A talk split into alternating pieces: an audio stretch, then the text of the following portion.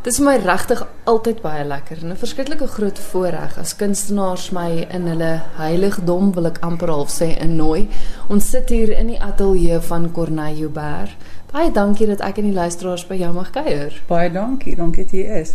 Corneille, vertel my gou eers van jouself. Het jy van kleins af geweet dat jy kunstenaar wil wees? Nee, ek wou veearts word, soos almal wil word, maar in elk geval ek kuns, ek was altyd lief vir kuns en toe toe het ek besluit om te gaan swat en ek was langs 'n kind 'n kunsonderwyseres gewees. Hmm. Ja, voor ek regtig besluit het om 'n karier in kuns te pursue. Maar kyk as mens nou kuns gaan gaan studeer, dan doen jy mos eintlik ietsie van alles, nê? Of besluit jy van die begin af dis pottebakkery waarna ek wil gaan of ek wil spesifiek fokus op verf. Wanneer besluit jy dit en wanneer het jy besluit wat jy wil doen? Uh ek dink ek het nog steeds nie besluit nie. Ek is so 'n bietjie jack of all trades.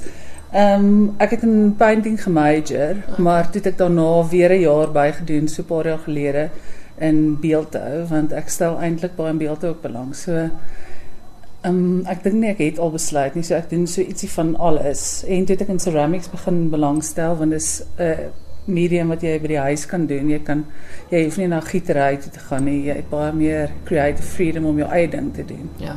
Wat is die dinge wat jou inspireer? Ek meen as jy nou besluit goed, ek gaan nou 'n bord maak of ek gaan nou iets verf of ek gaan 'n beeldhou werk. sien jy iets raak? Ek dink ek is 'n baie intuitive artist of ek ehm um, werk baie uit my emosie uit, so ek doen nie altyd baie beplanning nie.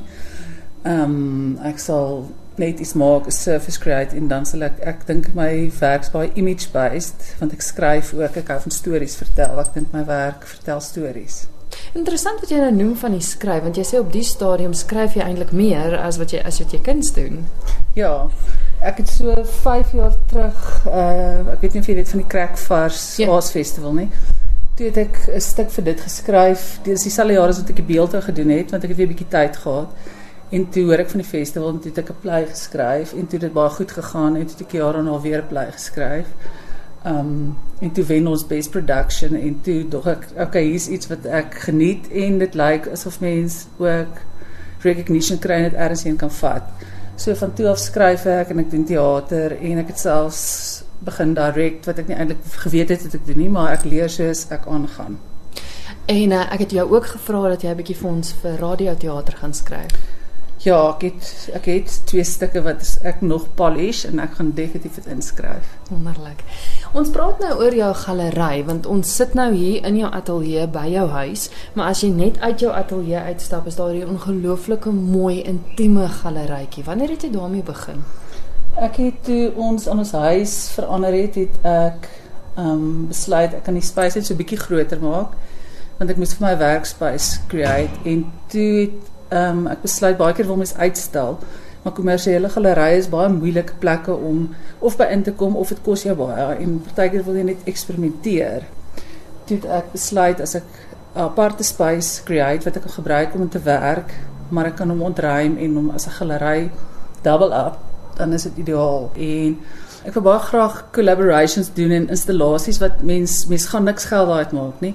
So jy wil nie gaan in 'n galery hier en voel jy moet 'n sekere hoeveelheid terugmaak van wat jy insit nie. En hier gee dit my net die vryheid as ek iets heeltemal out of the ordinary wil doen dan is jy nie afhanklik van iemand anders nie. En ehm um, al kom dan nie 1000 voete deur nie beteken dit nie uh minder nie. Dit beteken jy het nog steeds 'n idee explore en ek dink in daai opsig is ek baie meer eksperimenteel my werk Ek weet een van die uitstallings wat by jou was is is die is die kos en kuns wat nou so rukkie terug was waar die luisteraars kon kom en die canopies kon proe en die kunswerke teen die muur sien. Kan kunstenaars jou kontak en sê ons wil graag die ruimte gebruik of nooi jy kunstenaars hoe hoe werk dit? Ehm um, soms doen ek collaborations wat ek self reël, ander kere verwys mense my.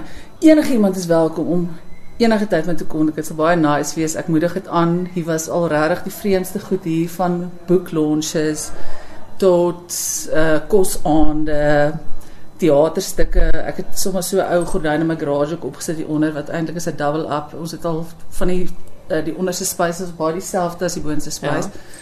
So ons het regtig al groot verskeidenheid goed hier gedoen en daar's shows wat by ander plekke was wat dan hiernatoe kom en hulle wil dit miskien nog vir 2 weke aanhou. So ons doen allerlei verskillende goed en enigiemand is welkom om my te kontak. Ons gaan nou jou kontakbesonderhede gee. Jy's my verskriklik interessante mens in die sin dat jy kan sien vir so baie en eksperimenteer met so baie. Jy jy skryf sit tussen 'n magdom van jou kunswerk in verskillende mediums. Is daar nog iets wat jy wil doen wat jy nog nie gedoen het nie?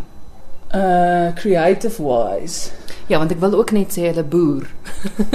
hulle boer Natal, soos is 'n boer ook nog. Ek dink die lewe is net so kort, mens wil spaar goed inpas wat miskien 'n fout is, dan doen jy als half, maar ek is iemand ehm um, ek wil boer en ek wil wyn maak en ek wil 'n restaurant hê, maar mens kan nie by alles uitkom nie.